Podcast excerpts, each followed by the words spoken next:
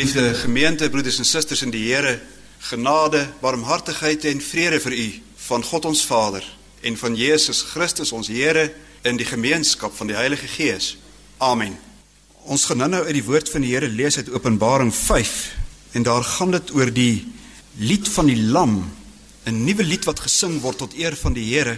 En daardie lied is beruim in Skrifberuiming 8 aan u o lam van God 'n nuwe lofgesang want u is waardig om die wonderboek te ontvang en oop te breek die boek van toekoms en verlede en van wat word geskrif van God se verborgenhede. U is waardig u alleen omdat die werk volbrag is toe u as offer vir ons sondeskuld geslag is. Dis 'n lied wat in die hemel gesing word waar ons mag deel aan hê hier op aarde. Ons sing van skrifbreuming 8 vers 1 en 5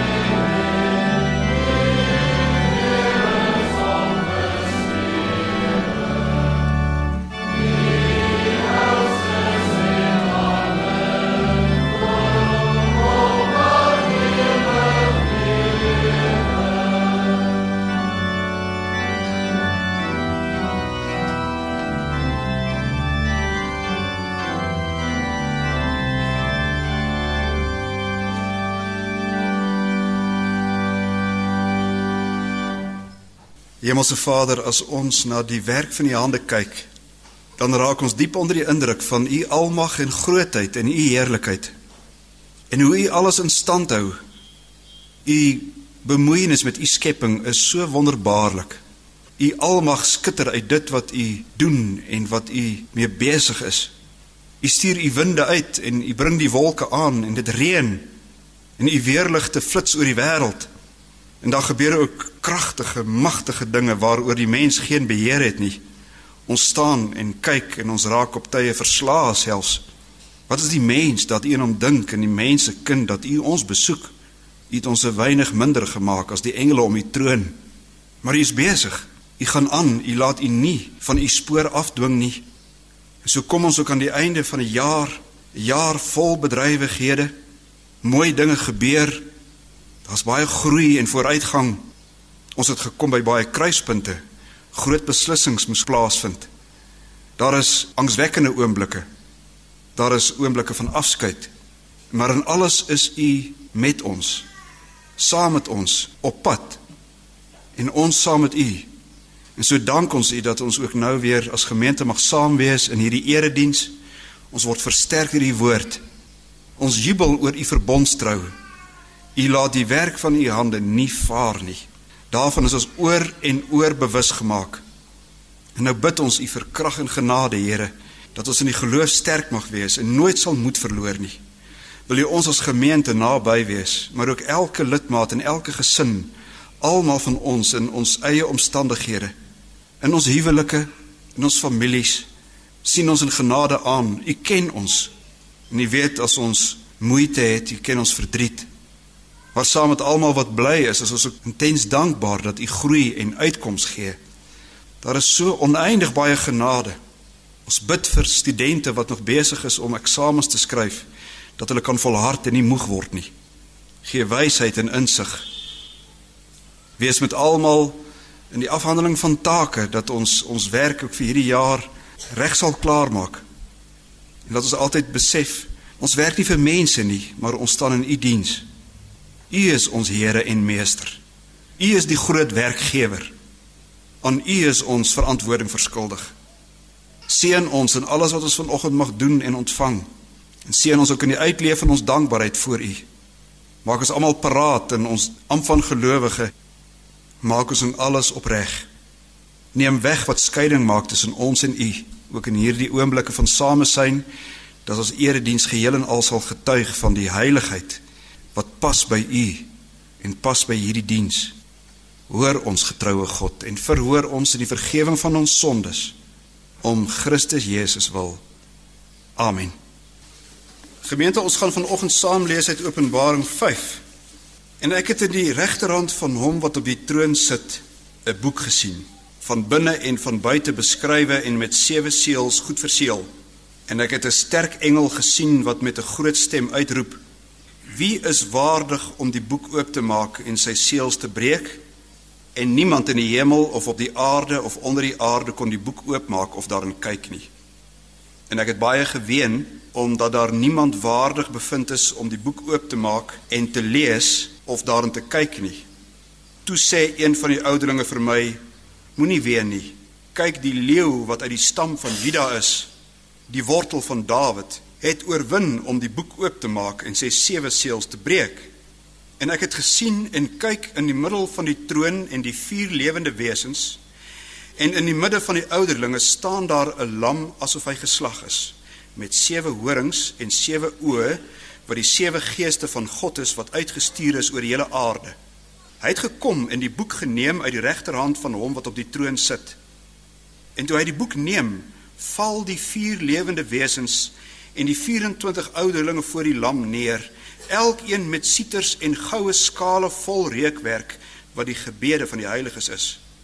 Toe sing hulle 'n nuwe lied en sê: U is waardig om die boek te neem en sy seels oop te maak, want u is geslag en het ons vir God met u bloed gekoop uit elke stam en taal en volk en nasie en het ons konings en priesters vir ons God gemaak en ons sal as konings op die aarde heers.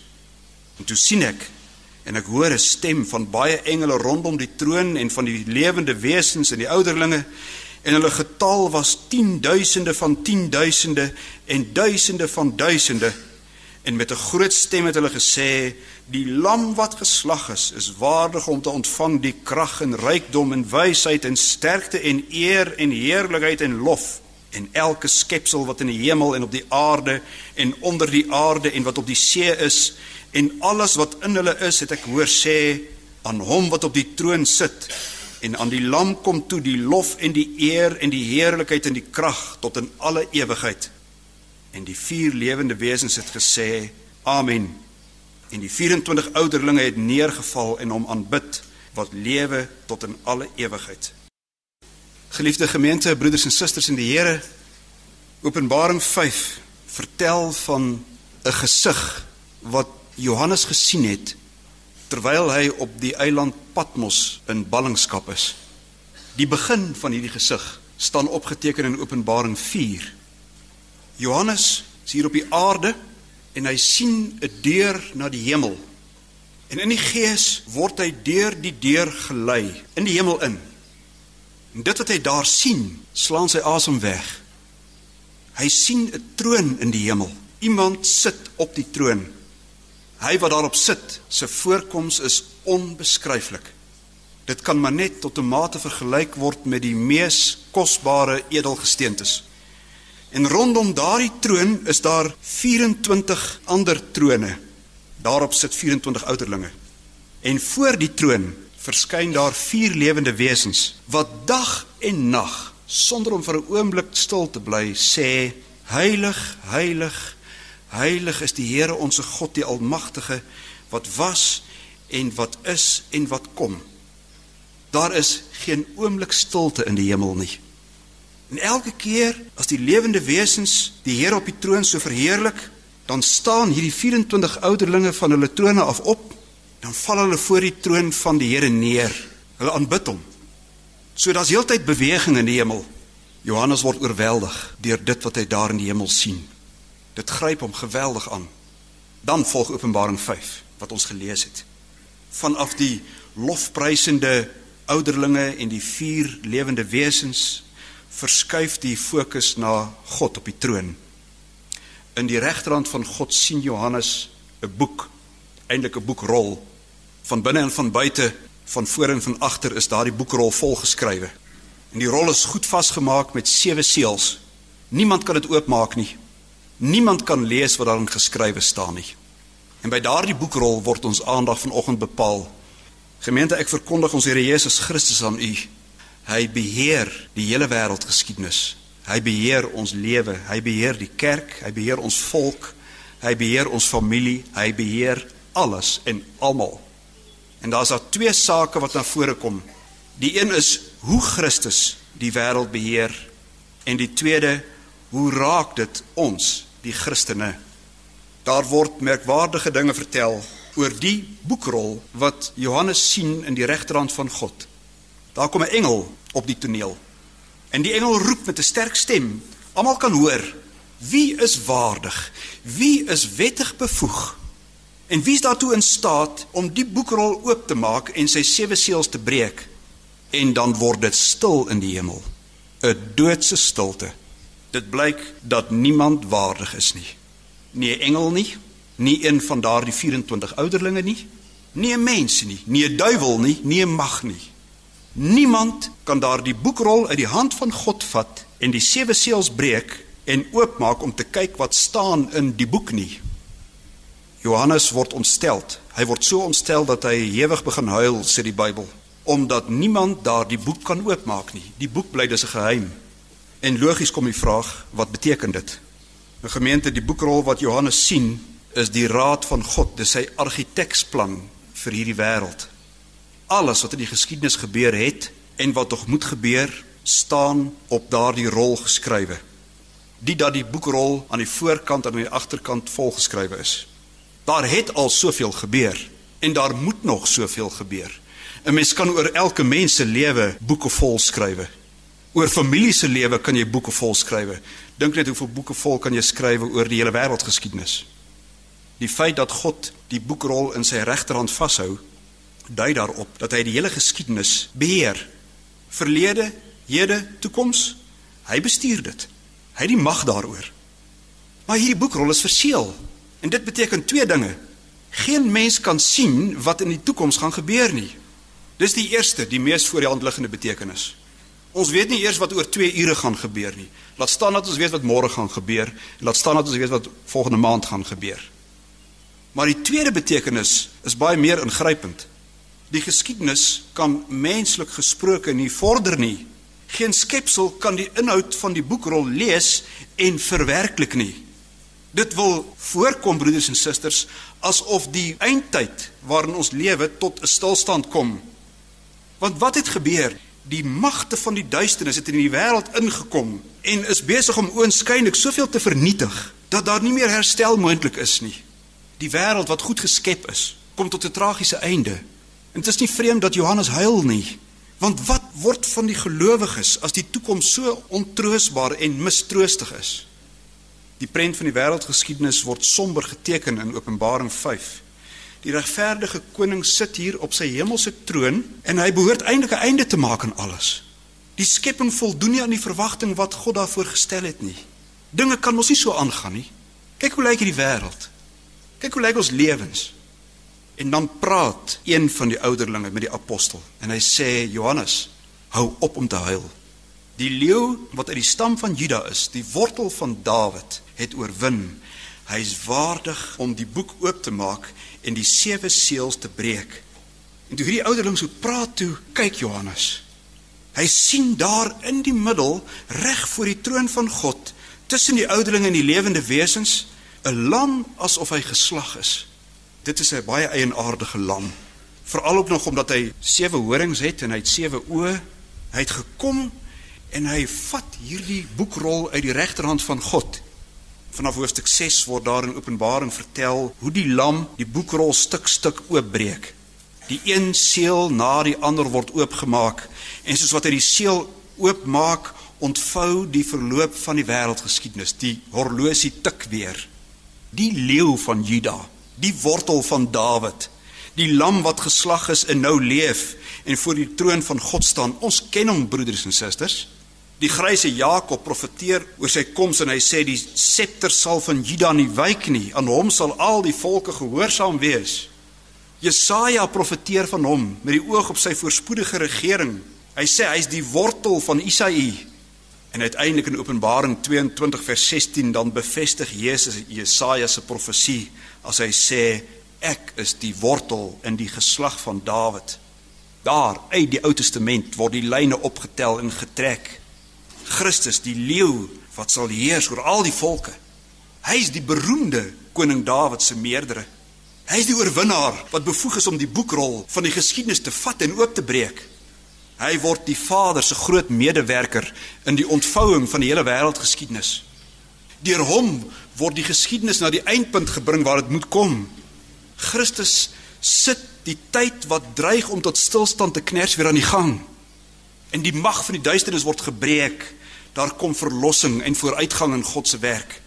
En die manier waarop Christus dit doen is ons baie belangrik om dit raak te sien. Die lam staan daar voor die troon asof hy geslag is. Die lam vertel dus van die beeld van Christus se werk. Hy is aan die kruis gehang. Die spykermerke is nog in sy hande en voete. As mens Christus vandag moes kon sien, dan sien die mens dat hy aan 'n kruis gehang het.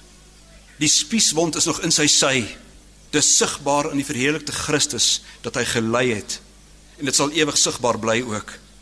Langs die weg van kruisiging en vernedering word die mag van Satan gebreek. As geslagte lam ontvang hy die bevoegdheid om die boekrol oop te breek. Broeders en susters, as mens Openbaring 5 lees, dan sien jy hoe die hele evangelie van vernedering en verhoging saamtrek in een punt in. Christus is lam en leeu te gelyk. Hy beheers die geskiedenis. Hy beheers die lewe van oomblik tot oomblik. Hy beheers ons lewe. En nou sit hy vandag aan die regterhand van die hemelse Vader. Hy regeer oor alles en almal. En op hierdie oomblik terwyl ons hier in die kerk sit, is hy besig om die boekrol van God se raad oop te breek. Alles wat geskrywe staan, is hy besig om in vervulling te bring. En vir ons beteken dit oneindig baie. Dit is die tweede groot saak wat ons vanoggend moet oordink. Christus se heerskappy in die hemele nou hier beteken dat die wêreldgeskiedenis Christelike geskiedenis is. Daar's nie iets soos 'n objektiewe geskiedenis nie. Alles op aarde het te doen met ons Here Jesus Christus. Of dit nou gaan oor arbeidsonrus of politieke binnengevegte, gemeente, dit is Christelike geskiedenis. En dit beteken nie dat al die groot rolspelers in die geskiedenis Christene is nie. Dit beteken nog minder dat alles in die geskiedenis volgens Christelike beginsels verloop nie. As jy mens die res van die boek Openbaring lees, dan kom jy agter dat ongeloof soos kanker groei in ons wêreld. Christus gaan Satan nog ontbind om sy kerk vir 'n kort tydjie ewig op die proef te stel. En so stel Christus antitese, teenstelling tussen slange saad en vroue saad. Christus dwing die wêreld in 'n krisis in. Hy breek hierdie seels oop en dit gaan gepaard met baie trane. Dit gaan nie net altyd met 'n lied nie. Sy eis aan sy kerk is: "Volg my. Volg my deur dik en dun, in voorspoed maar ook in teëspoed. Erken my as jou koning. Aanbid my saam met die 24 ouderlinge en die vier lewende wesens. Verheerlik my as heerser van kerk en wêreld. Vertrou nie op prinses. Laat jou nie gerus maak deur mooi beloftes van mense nie. Hier's baie beloftes in die wêreld. Dit kom en dit gaan. Maar God die Here, Christus aan die regterhand van die Vader sê: doen navorsing in my woord. Daar is die reëls vir my koninkryk en die koms van my koninkryk. Pas daardie reëls toe in jou lewe. As jy politiek praat, as jy handel dryf, as jy in jou huis sit, as jy kinders opvoed, as jy met jou huwelik besig is. Span jou talente in om die wil van jou Vader te doen. Christus sê, leef in afwagting op my wederkoms. Want die dag kom dat ek gaan weer kom om te oordeel. Ek julle koning, ek is die leeu van die wêreldgeskiedenis. Hier is mense wat baie praatjies praat, maar ek gaan as leeu weer kom om te oordeel oor lewendes en dooies. En vir die gelowige gaan ek 'n advokaat wees. Ek is die lam wat geslag is vir almal wat ek waarlik liefhet. Vir die ongelowige gaan ek 'n aanklaer wees. My bloed getuig teen hulle wat my bloed nie wil erken nie, my koningskap ook nie wil eerbiedig nie. As mens Openbaring 5 lees, dan gee dit vir jou diep insig in jou eie lewe. Wat het dit te doen met jou werk en met studie en met arbeidsonrus en met al die eise van elke dag. Wel dit het alles daarmee te doen broeders en susters. Want ons gaan ons harte verhef na Christus aan die regterhand van die Vader wat regeer oor al die dinge waarmee jy elke dag te doen het. Ons leef onder die lam wat ook 'n leeu is se beskerming. Ons het rede om met moed verder te gaan. Ons sal nie ons kop in die grond druk nie en ons sal nie wegkyk van die moeilikheid hier rondom ons nie. Inteendeel Ons het rede om in geloof vir God te sing. Dis beter by ons bidde en wense dat ons vertrou op God se mag as dat ons ooit vertrou op mense of selfs van prinses hulp verwag.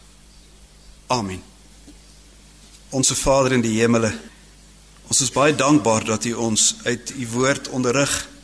U bemoedig en versterk ons.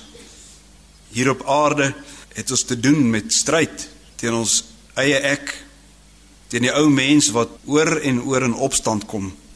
En ons het te doen met magte rondom ons. Daar's soveel aanslae, soveel dinge wat ons moet trotseer dag na dag.